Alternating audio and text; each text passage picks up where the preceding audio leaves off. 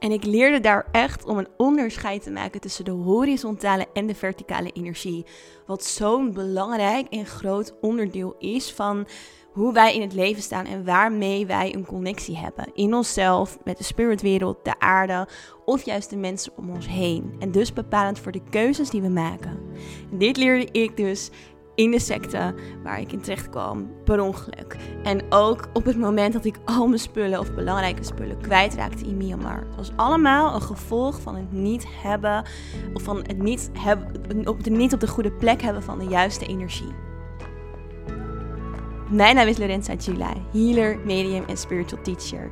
En het is mijn allergrootste missie om jou alles te leren over de wereld van spirit. Super tof dat je luistert. Welkom bij de Inspirit podcast.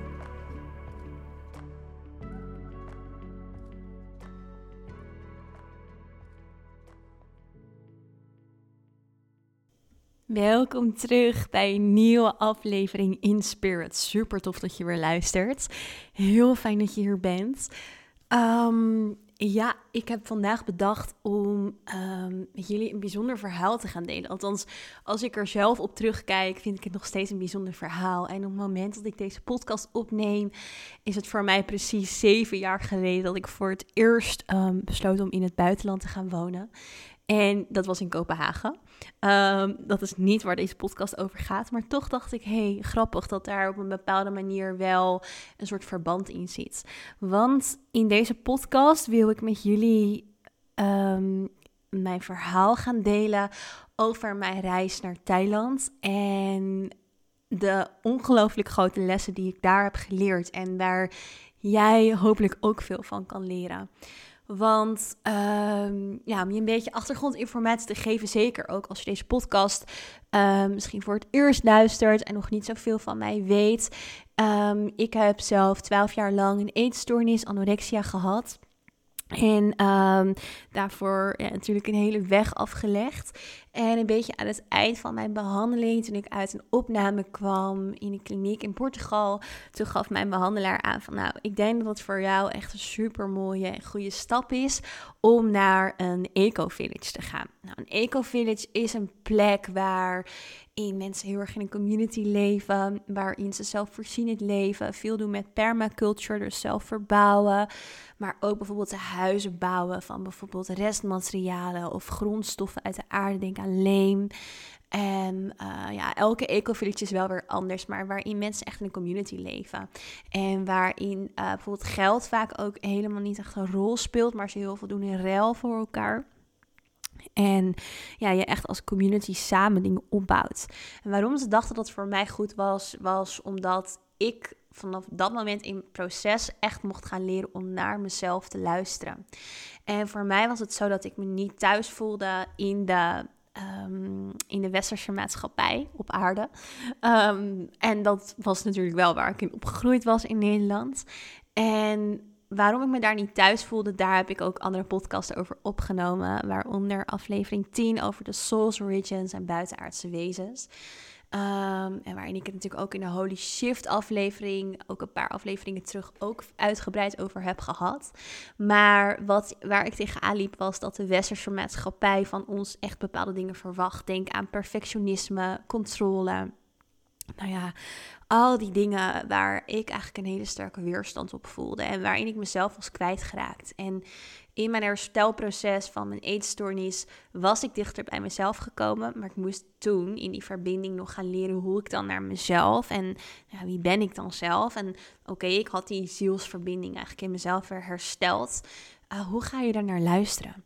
En zij zei, ik denk dat het goed is dus voor jou om echt naar een plek te gaan waarin alle structuren die wij kennen in de westerse maatschappij wegvallen. En je ook veel meer in een dieper verbinding met elkaar gaat leven. En daar voelde ik heel veel voor. Ik voelde daar heel veel voor. En uh, ze had mijn eerste instantie een eco-village aangeraden in Brazilië, waar zij ook ervaring mee had. Maar ik voelde dat ik naar Thailand moest. Het was echt een innerlijk impuls. En dat komt ook omdat ik daarvoor al uh, een eerdere reis naar Thailand had gemaakt. Iets eerder in mijn, mijn herstelproces, wat zoveel voor mij had betekend. Uh, in die reis voelde ik me eigenlijk voor het eerst hoe ik me ook anders kon voelen. Omdat ja, gewoon de energie in Thailand alleen al zo anders was. Vrijer en, en uh, alsof je je er veel meer kan verwonderen, zeg maar. Over het leven daar. Dus ik voelde, nee, ik wil niet naar Brazilië. Ik wil echt weer naar een eco-village in, um, in Thailand. Nou, ik ging zelf op zoek naar zo'n plek en die had ik gevonden. En ik heb hun benaderd en ik gaf in die tijd gaf ik heel veel yogales. En uh, ik werkte dus, dus toen al eens als yoga-teacher een aantal jaar. En ik uh, had met hun de afspraak gemaakt dat ik daar yogales mocht gaan geven. In ruil van dat ik daar dus tien weken mocht verblijven. En uh, dat was ook echt een afspraak, omdat met dat ik de yogales gaf, zeg maar, zou gaan geven daar, zij ook op mij konden rekenen en op mij konden bouwen, zeg maar.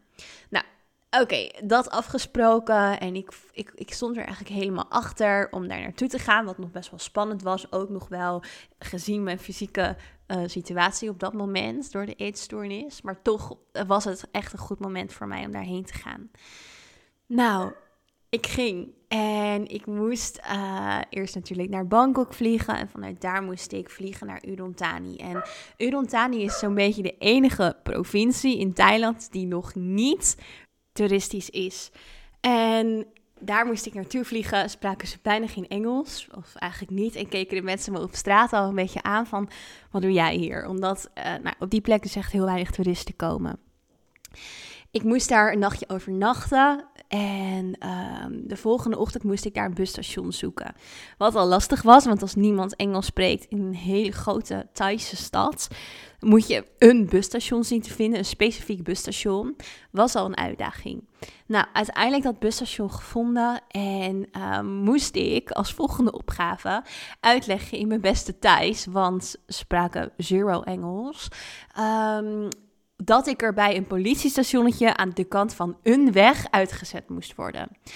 Nou, uh, gelukkig begrepen ze het uiteindelijk en ben ik er bij het politiestationnetje uitgezet. En daar was het helemaal verlaten. Er was helemaal niemand. Uh, het leek echt een soort spookstadje.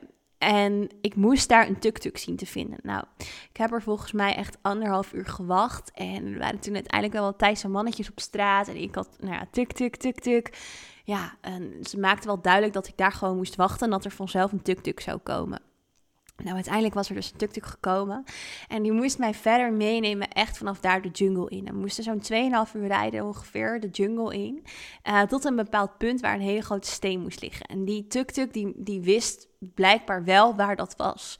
Uh, omdat dat ook uh, wel bekend was in dat dorpje. Dat er dus vanuit daar een soort eco-village was. Waar de mensen natuurlijk ook bevoorraad met bepaalde dingen moesten uh, worden. En ik natuurlijk niet de eerste was die ooit daar naartoe race.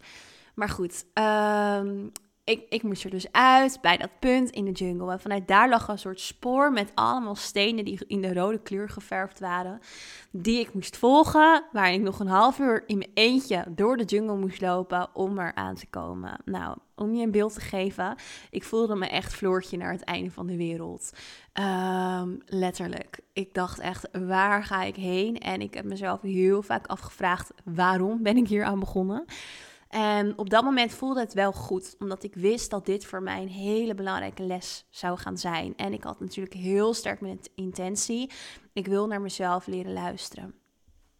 Ik kwam daar aan bij die Eco Village en ik voelde gelijk, oké, dit is niet de plek waar ik moet zijn. Dat was het wel in fysieke vorm. En uh, ik moest daar zijn. Dat was echt de Eco Village. Het was niet een andere plek waar ik per ongeluk was terechtgekomen. Ik was de place to be. Maar ik voelde, ik ga me hier niet thuis voelen. En een gevoel van onveiligheid bekroop me. Nou, ik uh, weet nog dat ik met mijn moeder had afgesproken. Uh, dat als ik ook maar enige vorm van connectie zou hebben op uh, mysterieuze wijze, ik haar een berichtje zou sturen. En uh, dat ik in ieder geval was aangekomen. En gelukkig was er toch wel wifi. Um, dus er was ontvangst. En uh, ik kon um, contact maken met mijn moeder. En ik weet nog dat ik mijn moeder al heel snel heb gebeld. Huilend van, mam, ik weet niet wat het is, maar ik voel dat ik hier weer weg moet. En dit is echt niet de plek voor mij. En nou ja, mijn moeder zei al, je moet gewoon wennen, geef het de tijd. En natuurlijk was het ook gewoon logischerwijs wennen. Want ik had echt een hele lange reis van meer dan twee dagen erop zitten. En kwam ik daar op een plek waar er eigenlijk niet eens een toilet was. Het was alleen maar een soort eco compost. Het was slapen was allemaal bij elkaar op een hele grote zaal onder klamboes. Dus je had helemaal niet je eigen plekje. Nou, dat was voor mij super belangrijk altijd om een eigen plekje te hebben. En het belangrijkste voor mij was nog dat de mensen helemaal niet um, zuiver en safe voelde. Um, dus ik voelde de energetische verbinding tussen die mensen met elkaar en die klopte gewoon niet. Die klopte niet. En ik zag daar, ik had daar al heel sterk mijn helder zien uh, weer meer geactiveerd. En ik zag van alles en ik wist, dit, dit is echt, dit is gewoon niet oké. En um, nou ja, ik was natuurlijk nog in mijn, uh, ook nog wel een beetje in mijn ondervoeding. En ze vroegen van mij eigenlijk dat ik allerlei zware werkzaamheden zou gaan doen. Met helpen met bouwen aan het huis, uh, met leem. En het was met soort plastic flessen die we moesten vullen. En het was gewoon fysiek op dat moment nog te zwaar voor mij. En toch verwachten ze het van mij. En zetten ze me energetisch op een bepaalde manier onder druk. Nou ja, ik heb het. Uh, en de eerste nacht dat ik daar was, was het een ongelooflijk harde storm. Waar de insecten om mijn klamboe vlogen, die groter waren dan mijn hand. En waarin de wilde honden buiten rondom uh, het plateau, zeg maar, renden. En waar ik dus eigenlijk doorheen moest lopen als ik bijvoorbeeld s'nachts naar het toilet moest. En ik was heel erg bang. Ik, ik voelde me gewoon, ja, ik voelde me gewoon op alle vlakken enorm gechallenged. Maar ik wist wel dat ik daar echt iets te leren had. En ik voelde dat de mensen daar ook een bepaalde energetische druk op mij legden. Omdat ik natuurlijk de yogalessen moest geven, maar ook daarnaast moest helpen. En er juist ook geen plekje was om mezelf terug te trekken en na te denken, omdat alles zo verbonden was dat je gelijk helemaal in die energie gezogen werd. En ik weet nog dat ik eigenlijk na, na die eerste nacht, de volgende ochtend, steeds sterker voelde: ik moet hier weg, ik moet hier weg. Ik, dit is gewoon niet safe, het is een secte, dit klopt niet, ik moet hier weg. En um, ik weet nog dat de eigenaar van de Eco naar me toe kwam. En dat ik vroeg, hoe heb je het hier? En dat ik gewoon helemaal dicht sloeg. En dat ik niet meer wist wat ik moest zeggen. Dat ik uiteindelijk maar heb gezegd dat ik het heel leuk vond om er te zijn. Omdat ik gewoon helemaal niet meer voor mezelf durfde te staan omdat ik, ja, ik vond dat sowieso al heel erg lastig in die tijd. Ik vond het heel moeilijk om mensen teleur te stellen. Maar ook omdat die energie zo zwaar en drukkend was. Dat ik gewoon niet meer mijn eigen energie-space in kon nemen. Maar ja, dat gevoel werd steeds sterker en sterker. En na een aantal uur die tweede dag kon ik eigenlijk alleen nog maar huilen. En wist ik gewoon, oké, dit is mijn les. Ik heb voor mezelf besloten dat ik naar mezelf wil leren luisteren. En dat moet ik nu doen. dit is zeg maar de ultieme proef om aan zulke mensen die zo secteachtig zijn, zo sterk energetisch, ook een beetje manipulatief waren, toch voor mezelf te gaan staan in een plek waar ik niet 1, 2, 3 weg kon lopen. Omdat ik geen idee had hoe ik eigenlijk überhaupt weer naar de bewoonde wereld zou kunnen komen. En uh, een van de meiden die ook in de Eco Village aanwezig was, waar ik nog enigszins wel een beetje een verbinding mee voelde, die vertelde me dat ze de volgende dag weg zou gaan. En ik wist, that's my way out. Dat is mijn enige kans om met haar mee te reizen, zodat ik met haar mee letterlijk kan vluchten voor mijn gevoel. En uh, ik ben toen naar een van de meer organisatoren gegaan. En ik had bedacht om gewoon dit verhaal maar te vertellen. Van oké, het was mijn allerbelangrijkste intentie om naar mezelf te leren luisteren. Ik voel dat ik hier, ik had maar gezegd, niet klaar voor ben op dit moment. En ik, ik moet hier weg. En ik durfde niet echt te zeggen van het voelt hier onveilig of secteachtig. Want ik was ook nog niet in een soort safe space. Dus ik wilde ze niet aanvallen. Maar ik wist wel, ik moet voor mezelf opkomen. En ik heb haar vertrouwen genomen en ook verteld over het proces wat ik de jaren daarvoor had, had afgelegd. En gelukkig was zij heel begripvol.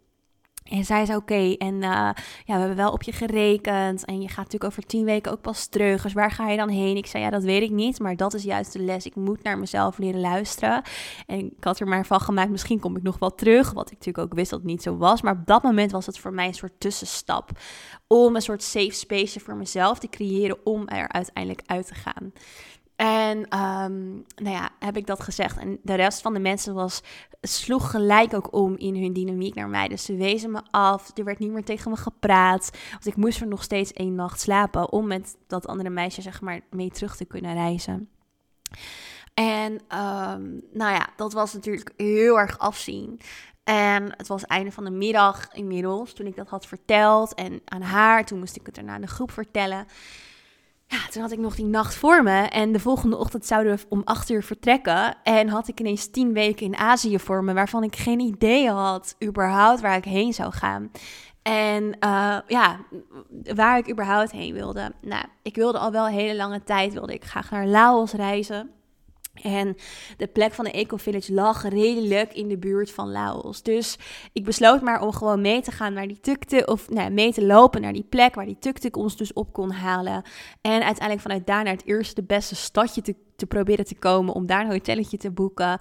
En dan uh, te kijken hoe ik vanuit daar naar Laos kon komen. Nou, dat zo gezegd, zo gedaan. Ik naar Laos. Nou, of vanuit dat ik eenmaal uit die eco-village was, viel er zo'n rust over me heen. En merkte ik, oké, nu ga ik gewoon op een andere manier uh, ontspanning vinden en tot mezelf komen. En misschien vind ik wel een hele fijne plek in Laos waar ik die tien weken kan blijven ik naar Laos. En uh, ik was uiteindelijk aangekomen in de stad Luang Prabang. En super fijne stad trouwens. Heel mooi, waar heel veel monniken zijn. En de energie daar was wel heel goed. Maar het was regenseizoen in Laos. En ik ben letterlijk weggespoeld. Allemaal overstromingen. Um, het hostel wat helemaal onder water was gelopen. Mijn bed wat gewoon helemaal nat was. Omdat het echt extreem was dat jaar. De wateroverlast. En ik vond de mensen in Laos heel erg tegenvallen. Want de mensen in Laos zijn heel zwaar getraumatiseerd in de oorlog die ze hebben meegemaakt. Dus de Vietnamoorlog is Laos een van de meest gebombardeerde landen. En ik voelde vanuit mijn heldervoelendheid en helderziendheid al het trauma continu bij die mensen. En ik merkte dat dat heel erg in mijn eigen systeem ging zitten. Dus ook daarin werd ik weer gechallenged van oké, ik ben hier echt niet op mijn plek. Wat moet ik hier nou doen? Ik moet hier weg. Opnieuw, want ik word letterlijk weggespoeld door de regen. En uh, het is gewoon niet, ik, ik kon er mijn plek niet vinden. Nou, ik kreeg volgende impuls. Oké, dan ga ik naar Myanmar. Want ik had daarover gelezen. En heel veel mensen in de reiswereld waren er super enthousiast over. Dat Myanmar nog zo authentiek was en zo bijzonder was. En uh, nou, dat dat echt wel een uh, heel bijzonder land was. Wat je nu moest ont, uh, ontdekken, omdat het over een aantal jaar toeristisch zou zijn. Maar, kleine side note, er was een grote oorlog en is nog steeds in Myanmar. En ik moest over land reizen, want vliegen dat kon niet rechtstreeks vanaf, vanaf Laos. Dus, uh, nou ja, daar, ik, was, ik had mezelf laten beïnvloeden door alle um, positieve verhalen van iedereen over, over Myanmar. En ik besloot om over land door te reizen na ongeveer twee weken Laos naar Myanmar. Nog steeds met acht weken voor me. En ik kwam op de grens van Thailand, want ik moest door Thailand reizen bij Myanmar aan. En daar op die grens waren ongelooflijk veel uh, weeskindjes die uh, helemaal aan me gingen hangen. En er waren mensen met, ja, het leek wel bloed in hun mond, maar dat was het niet. Het was een soort tabak wat ze kouden. En ik was echt in een soort cultuurshock. Maar je kan je voorstellen, ik was best wel. Ik kon niet meer zoveel hebben op dat moment. Want ik was moe van. Uh, nou ja, eigenlijk ging ik al moe op reis. Met de intentie om tot rust te komen. En ik maakte allemaal heftige dingen mee. En dan die cultuurshock. Nou, we gingen daar over de grens en het was niet de meest veilige grensovergang. Gelukkig was er een ander meisje en um, een andere jongen die uh, ook uh, los van elkaar uh, ook gingen reizen in Myanmar, waarmee ik een groepje kon vormen. Nou, we moesten dus in de taxi en die hebben met z'n drieën gedeeld en daar moesten we door het oorlogsgebied heen. Dus we mochten absoluut die taxi niet uit. En ik had eigenlijk nog steeds geen idee waar ik precies heen ging, behalve dat ik wist dat ik naar mezelf wilde leren luisteren. Dus wij zaten in die taxi en op een gegeven moment stopte die taxi en in een hele lange rij met auto's. Ik vind het nog steeds heel bizar als ik eraan terugdenk, want het leek wel uitgestorven. Het was een soort file zonder leven. Dus de weg was helemaal geblokkeerd met alleen maar auto's. En dat was het. Uh, er was geen leven verder te zien. Het was uh, in een stadje, waren wel allemaal, of nou ja, je kan het eigenlijk niet eens een stadje noemen, maar er waren allemaal hutjes uh, waar geen mens te bekennen was. En wij stonden daar in die file. En de taxi, ja, we mochten de taxi niet uit. We konden de taxi eigenlijk ook niet uit. En het was gewoon niet safe opnieuw. Maar wij maar wachten en wachten en wachten. En na 2,5 uur hadden wij zoiets we moeten iets eten. Want we hadden geen eten, we hadden geen drinken, helemaal niks. En toen op een gegeven moment zei die taxichauffeur, oké, komt goed. En hij nam een soort van een afslag en hij ging gewoon door de weilanden heen rijden met ons drie erin. Hij ging gewoon in de middle of nowhere in en wij dachten, waar gaan we heen? En het was bijna donker aan het worden en het hotel was nog heel ver weg. En uiteindelijk stopte die, want inmiddels was het donker, in de middle of nowhere. Het was pikken donker en zei hij, oké, jullie moeten hier taxi uit. En wij dachten, oké, wat gaan we nu krijgen? Wat moeten we doen? Uh, wij de taxi uit. En toen konden we eigenlijk pas zien waar we waren, omdat het zo donker was. En waren, het was ook nieuwe maan, dus er was ook geen maan. Uh, alles was echt pikken donker. En toen zagen we dat er een klein hutje was daar. En ineens ging er een deurtje open en kwam er iemand naar buiten. En toen dachten we, oké, waar zijn we? En moesten we dus door een soort water lopen om bij dat hutje te komen.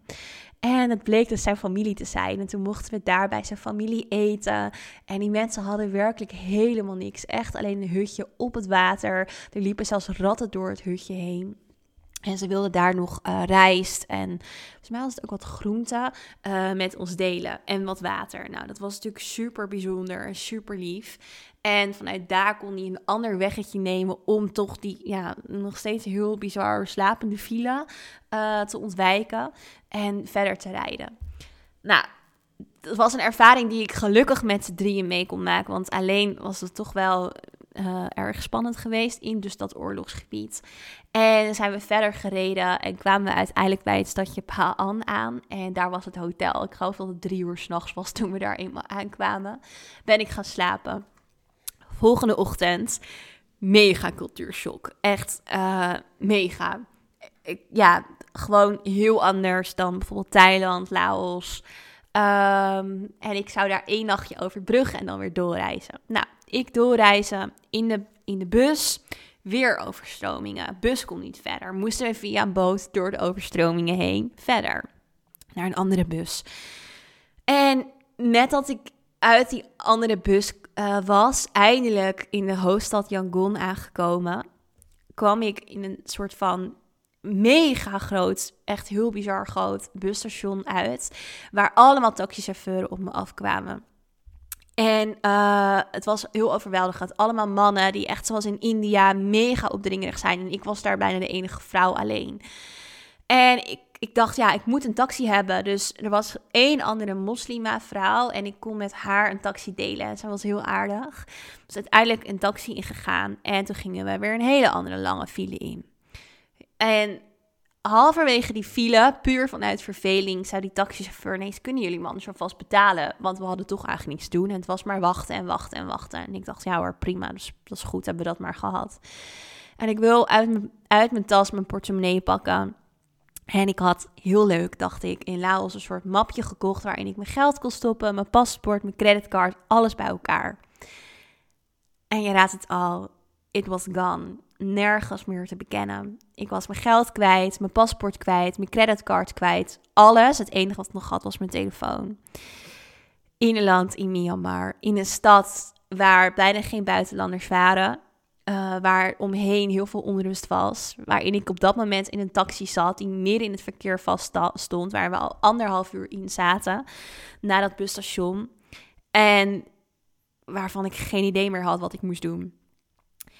Ik heb toen geld gekregen van die moslimvrouw en haar telefoonnummer, zodat ik bij haar kon slapen in het geval dat. En de taxichauffeur die zei, oké, we gaan terug naar het busstation en we gaan kijken of je portemonnee en je paspoort nog in de bus liggen.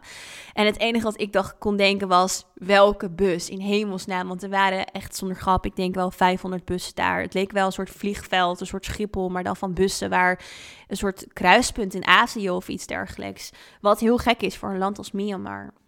En um, nou ja, wij terug de andere kant op in de file moesten weer ook wel dik anderhalf uur terug, want alles stond vast, beide richtingen op. En het enige wat ik kon doen was eigenlijk huilen en denken, waar ben ik aan begonnen? Waarom gaat alles zo lastig? En de taxichauffeur die zat maar tegen mij in het beetje Engels wat hij uh, sprak.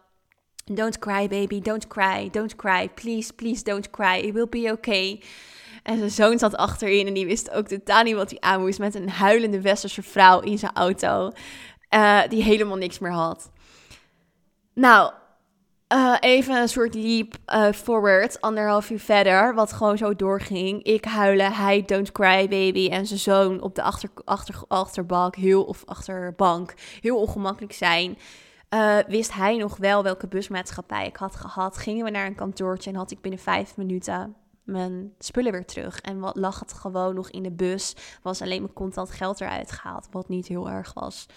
Uh, dus ik was beroofd. Alleen ze hadden wel mijn paspoort en alles laten liggen. En mijn creditcards. Dus ik had wel mijn allerbelangrijkste spullen weer. Nou ja, toen moest ik natuurlijk weer terug diezelfde file in. Kwam ik bij het hostel aan, inmiddels avonds, laat, in het donker, waar het over straat lopen niet per se heel handig was. In je eentje als westerse vrouw kwam ik bij het hostel aan. Kreeg ik te horen dat het hostel overboekt was en dat ik geen bed had. En toen zakte ik helemaal in. Ik dacht, dit kan je niet menen. Wat moet ik ervan leren? Ik kan niet meer. Ik ben helemaal op.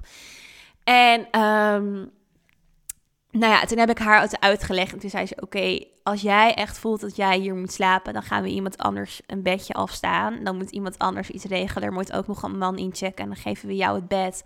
En ik weet dat ik me ongelooflijk schuldig voelde. Maar dat ik echt naar mezelf moest luisteren: van I can't handle anymore. Ik kon gewoon niks meer erbij hebben dan alles wat er al was gebeurd.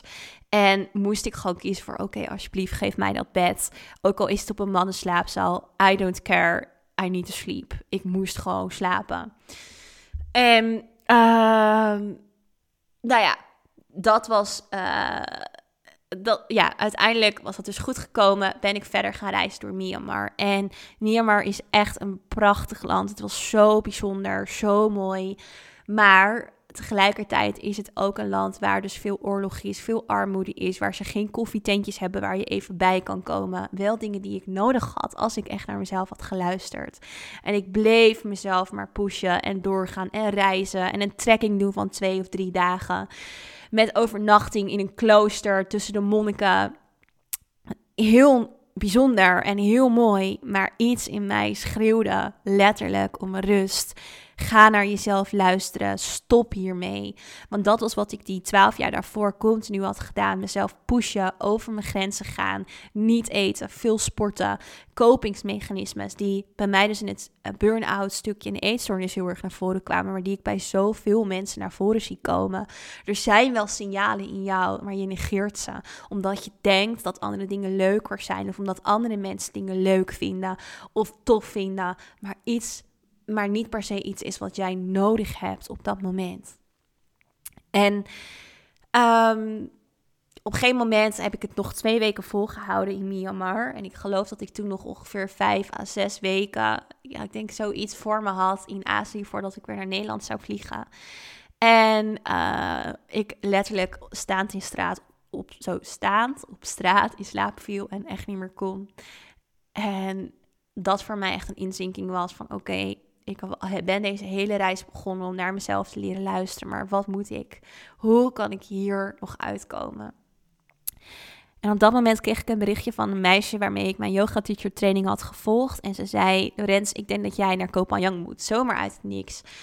En niet dat ze wist dat ik het niet, uh, dat ik het zwaar had, maar zij stuurde mij dat berichtje. En Koh Phangan is een eiland in Thailand, wat heel erg bekend staat onder Full Moon Party eiland. En ik dacht, nou, uh, ik weet niet welke indruk je van mij hebt gekregen, maar Full Moon Party past niet helemaal bij mij. Maar ze zei, het is een heel spiritueel eiland en daar ga jij je weg vinden. Ik weet gewoon dat jij daar naartoe moet. Boek alsjeblieft een ticket en ga daar naartoe.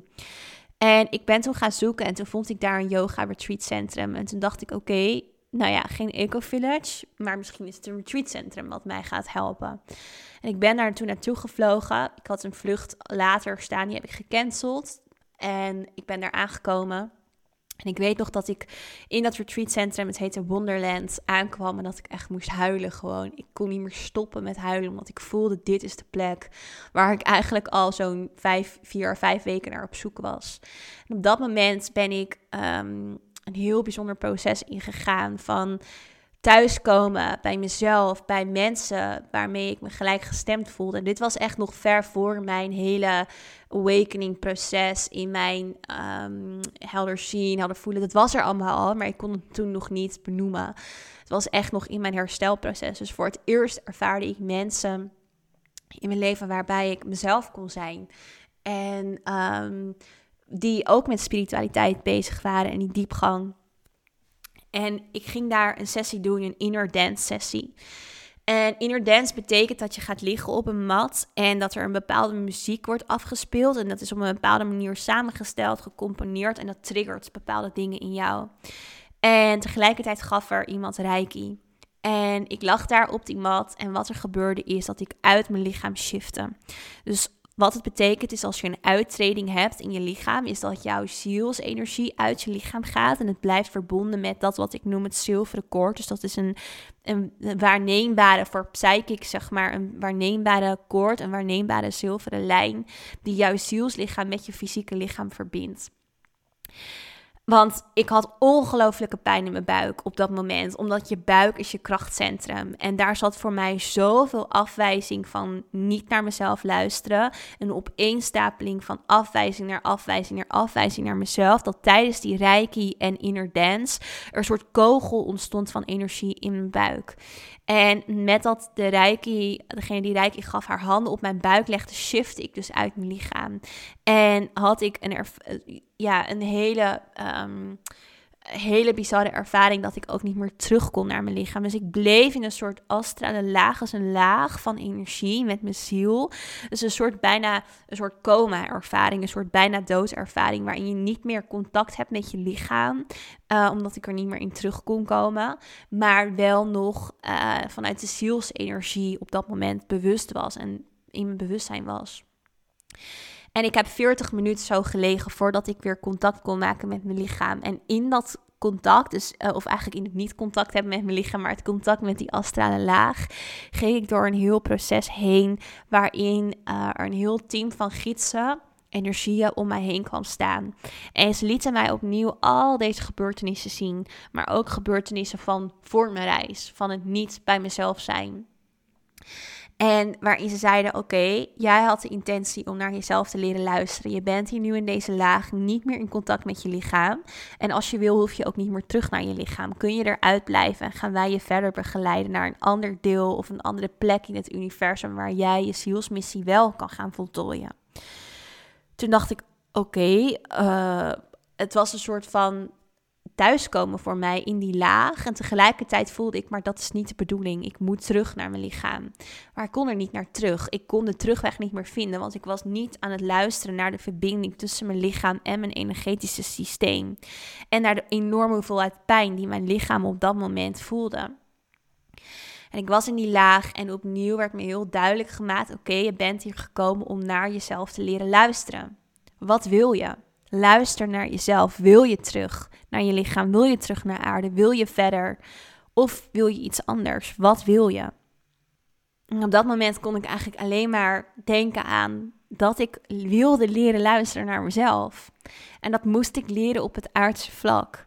En toen kon ik ineens een soort shift maken tussen het energetische en het aardse. En wist ik dat ze met elkaar in verbinding zijn om mijn grenzen aan te kunnen geven, om mijn hart te kunnen volgen, om mijn zielsmissie, mijn zielspad te kunnen bewandelen. Want wat ik al die tijd daarvoor had gedaan, was mijn energie buiten mezelf leggen. Niet in verbinding met de aarde, niet in verbinding met mijn hogere zelf of de spiritwereld. Maar ik was continu aan het leven volgens de energie om mij heen. Dus in een horizontaal energieveld in plaats van een verticale energieverbinding. En met verticaal bedoel ik dus van boven naar beneden of van beneden naar boven.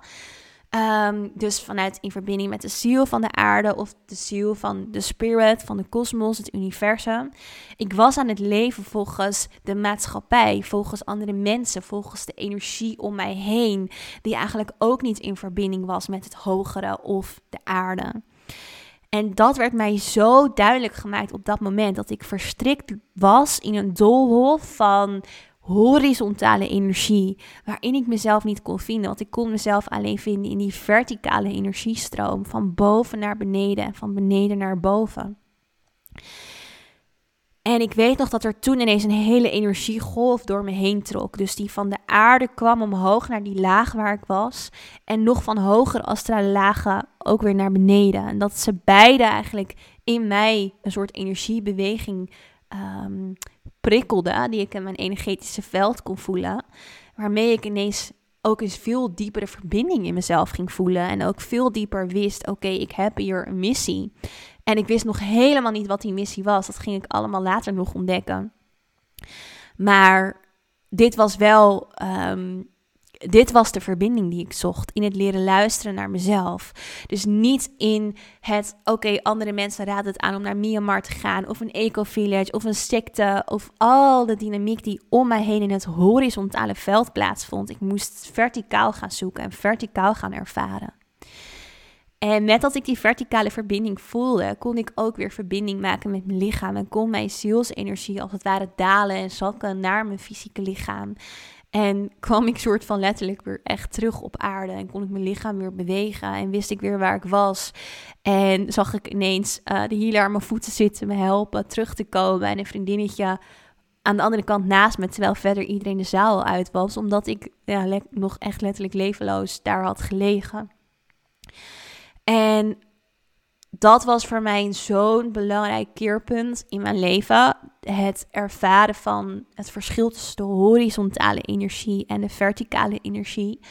En het in verbinding zijn in jezelf en het ook leren luisteren naar jezelf. En ik weet nog dat ik eigenlijk de dag daarna weg zou zijn gegaan uh, uit het retreatcentrum en had bedacht om een uh, hotelletje te zoeken of een plekje daar op het eiland op Koh maar dat ik zo van slag was, wel ook door gewoon de uittreding van mijn lichaam, wat ik nog nooit had meegemaakt op die manier. Uh, alles wat er was gebeurd, dat ik toen ineens ook mijn eigen vermoeidheid en emoties voelde en besloot om langer daar in het retreatcentrum te blijven. En uh, er was een Nederlands meisje wat daar werkte. En ik werd uh, vriendinnen met haar. En zij woonde ook op Kopanjang op het eiland. En ze zei, weet je, als je geen plekje hebt om te verblijven... je mag anders wel in mijn huis. Ik kan in het huis van een vriendin. Dus dan kan je eens ervaren hoe het is om hier te wonen. En toen ineens had ik een soort van huisje op Kopanjang. En uh, was dat echt een soort thuiskomen voor mij. En kon ik daar gaan werken in het voelen van die horizontale en verticale connectie. En ben ik ook verder aan de slag gegaan met um, de healer, de rijke healer die daarbij was. Heb ik een één op één sessie met haar gehad. En in die sessie kreeg zij heel sterk door van... Oké, okay, uh, zei ik ik krijg heel sterk door dat dit jouw weg is. En ik dacht, dit is mijn weg. Wat bedoel je? En ik was me op dat moment heel erg bewust van wat andere mensen tegen mij zeiden. En of dat wel klopte voor mij met mijn verticale verbinding. Dus ik wilde niet meer het in het horizontale veld zoeken. Dus wat andere mensen zeggen, of suggereren, of denken, of voelen, of wat dan ook. Maar ze zei: Ik ga jou laten voelen wat jouw roeping is, wat jouw missie is, wat jouw calling hier is en wat je zielsmissie is, je zielscontract. Daar heb ik ook aflevering 2 over opgenomen. Dus als je wil weten wat een zielscontract is, luister even naar die aflevering. Maar goed, uh, zij zei: ik voel en ik krijg aan alle vlakken door dat ik jou moet opleiden tot healer. En dat ja, ik jou daarvan de beginselen ga leren. En dat jij uit je eigen verticale verbinding heel veel informatie van spirit gaat ontvangen. En dat je daarin je eigen mediumschap gaat ontwikkelen op jouw manier. En niet vanuit het verticale of het horizontale vlak, maar het verticale vlak. En uiteindelijk, zei ze, ga je mensen helpen om ook vanuit hun eigen verticale verbinding, dus van boven naar beneden en van beneden naar boven dingen te leren in plaats van van buitenaf op hen te projecteren. En ik wist toen nog even niet zo goed wat ik met die woorden moest. Maar ik voelde vanuit dus mijn verbinding dat het helemaal resoneerde. En toen kon ik ook voelen dat ik daar iets mee moest. En ben ik bij haar dingen gaan leren.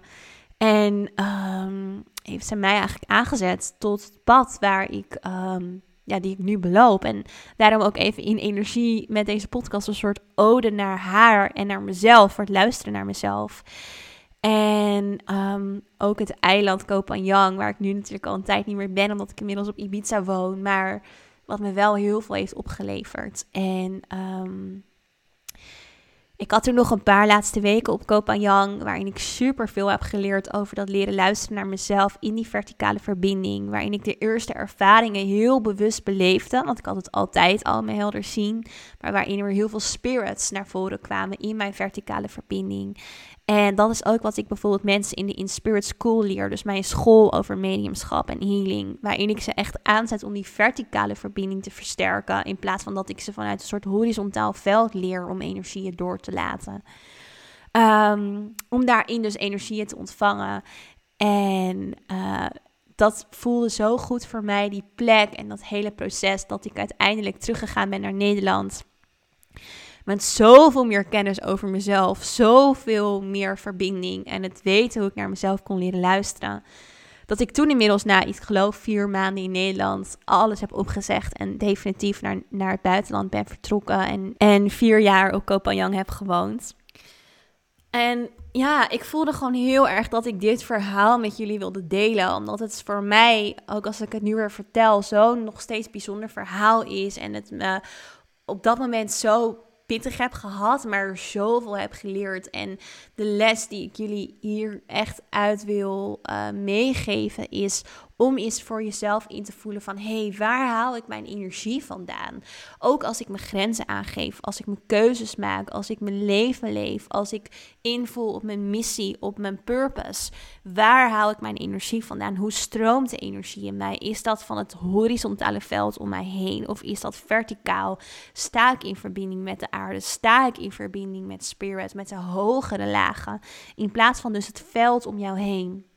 En misschien kan je ook nu wel eens invoelen dat het veld om jou heen onrustig voelt. Dus de horizontale beweging, zeg maar, is onrustig. Hij gaat een beetje van links naar rechts. Je gaat mee. Er zijn ja, ik zie ook bijvoorbeeld heel veel kleuren in het horizontale veld. Er is onrust, een soort van stroom, een soort van stromingen in een oceaan. Dus als je naar een zee kijkt, een gladde zeespiegel, dan kan je soms wel heel veel stromingen van water daarin zien bewegen. Een soort draaikolkjes.